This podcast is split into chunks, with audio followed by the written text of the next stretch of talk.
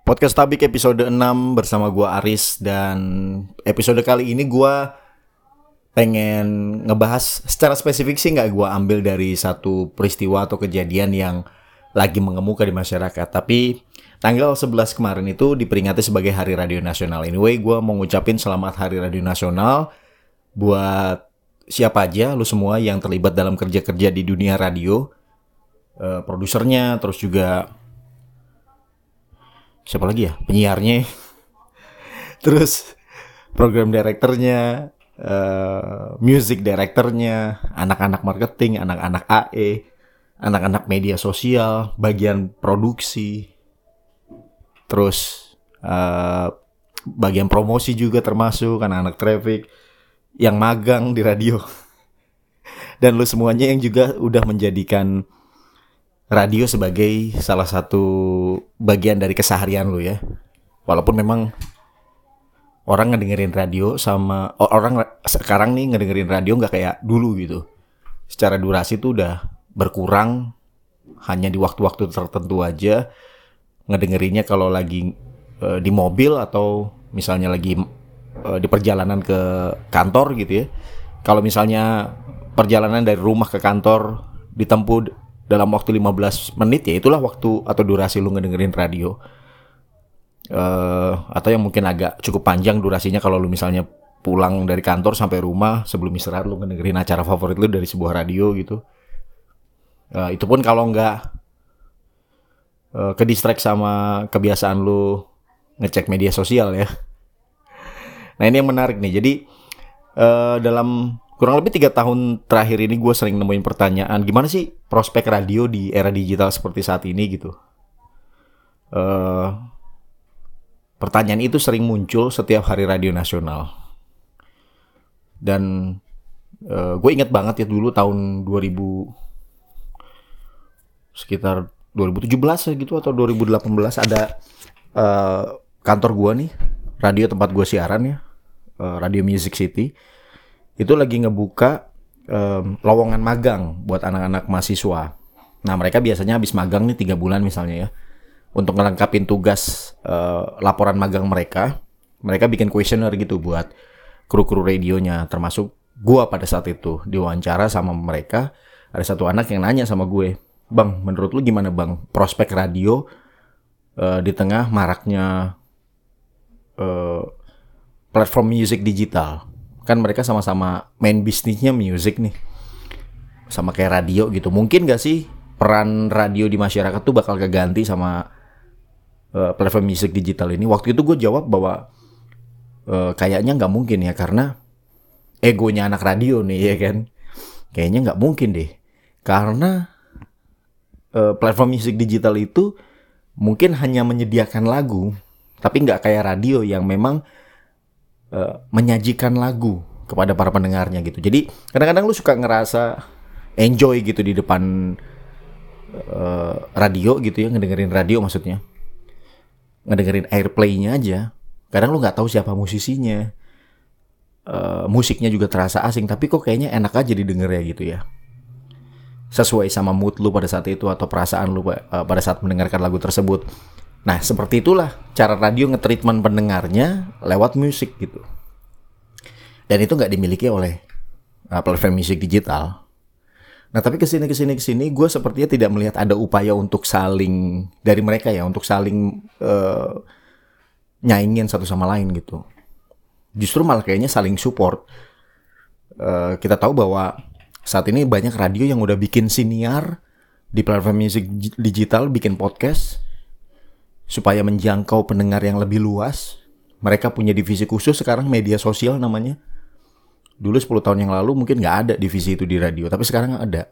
Tugasnya adalah untuk uh, menjalankan tugas-tugas kebutuhan-kebutuhan radio lewat media sosial gitu. Untuk promo program, bikin konten, uh, terus juga uh, branding segala macem.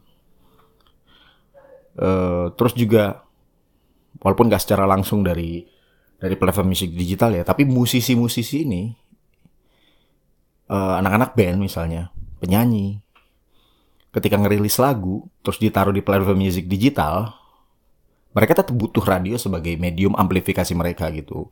Dengerin karya gue lewat platform musik digital, Joox atau Spotify dan lain-lain. Jadi sebenarnya radio diuntungkan gitu dengan keberadaan uh, media sosial atau secara umum perkembangan platform di, digital gitu.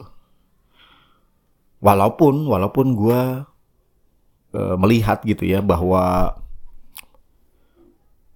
uh, kemudahan untuk memanfaatkan medium digital ini yang dirasakan yang dilakukan oleh radio-radio saat ini ya itu harus di harus ada costnya gitu costnya itu apa uh, eh, gue termasuk uh, orang yang udah berkecimpung di radio dari ketika radio itu uh, masih intensitas orang ngedengerin radio itu masih cukup tinggi gitu sampai transisi sampai akhirnya mereka ngedengerin radio cuman maksimal 30 menit lah. Maksimal banget satu jam gitu. Uh, sekarang keterikatan antara pendengar sama radio itu udah nggak kayak dulu dulu uh, gue inget banget ya gue kan uh, karir profesional dimulai tahun 2007 gue di radio Waktu itu gue kerja di radio namanya Radio Suara Metro. Uh, 91,1 FM. Eh, waktu itu udah pindah deh ke 107,8 FM gue. Radio Suara Metro ini sebenarnya radio swasta tapi kerjasama dengan Polda Metro Jaya. Uh, segmentasinya adalah news, uh, acara-acaranya tuh uh, seputar info traffic gitu lalu lintas ya, ngebahas isu-isu tentang politik, sosial, hukum dan lain-lain gitu. Uh, tapi tetap muterin lagu nggak kayak El Sinta ya. El Sinta tuh dari dulu sampai sekarang nggak berubah tuh. Gayanya masih sama, news and talk gitu. Bener-bener news and talk, ngasih-ngasih berita, bikin talk show segala macam tanpa memutarkan lagu. Kalau radio gue dulu masih memutarkan lagu. Nah, gue waktu itu ditaruh di jam siaran jam 12 sampai jam 4 pagi pertama kali. Dengan gaji 750 ribu cuy.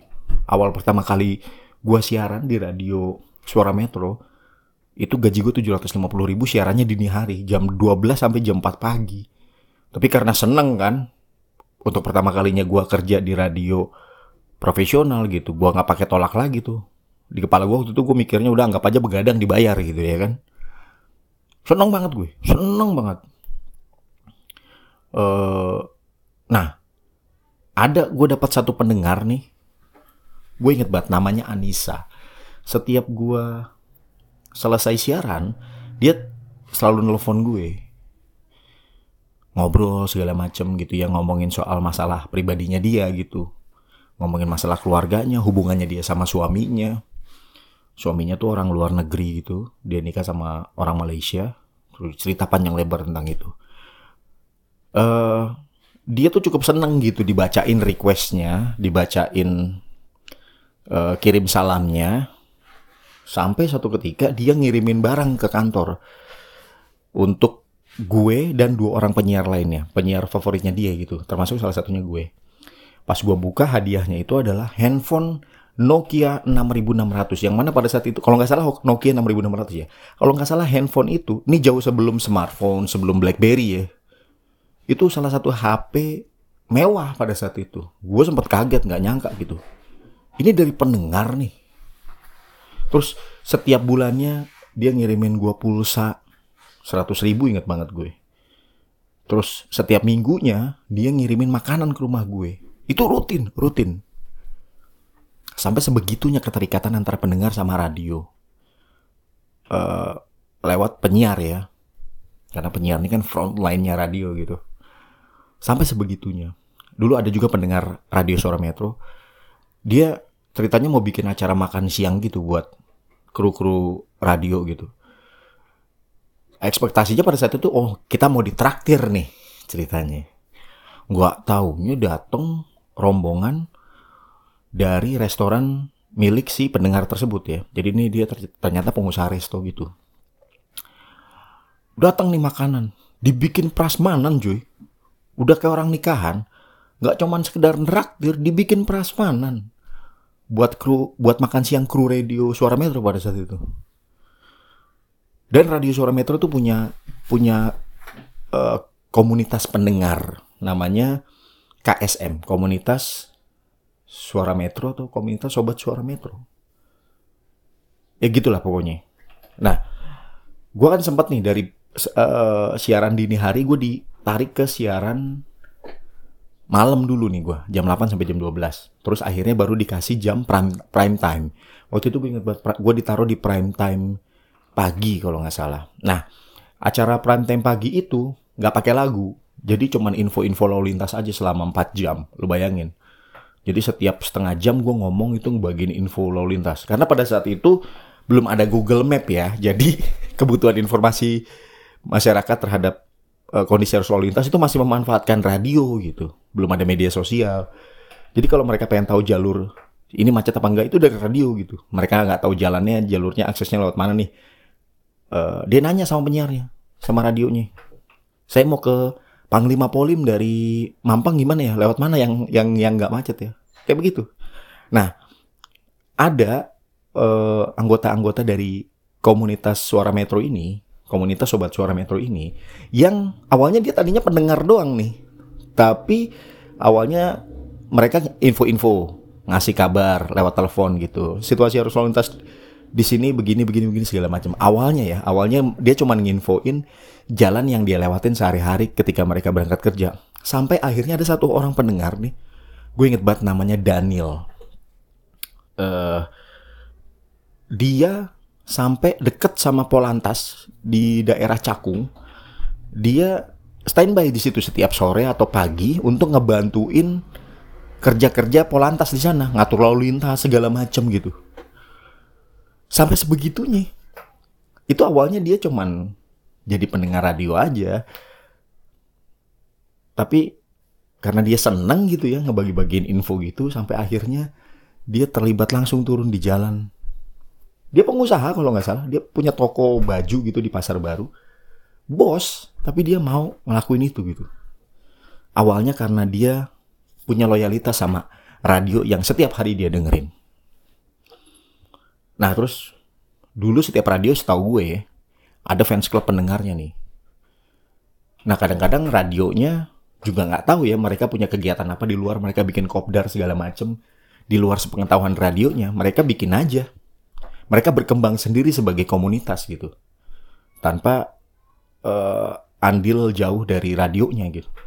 Mereka mengatasnamakan pendengar dari satu radio terus mereka kumpul ketemu saling kenal segala macam. Mereka bikin kegiatan sendiri bikin acara kopdaran bikin bazar. Kalau bulan ramadan mereka bagi-bagi takjil uh, bagi-bagi uh, makan sahur ya sahur on the road dan segala macamnya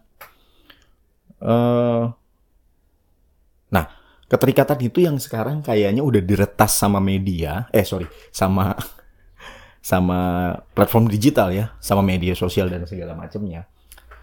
Yang akhirnya eh, menurut gue itu mengurangi intensitas keterikatannya antara pendengar sama radio.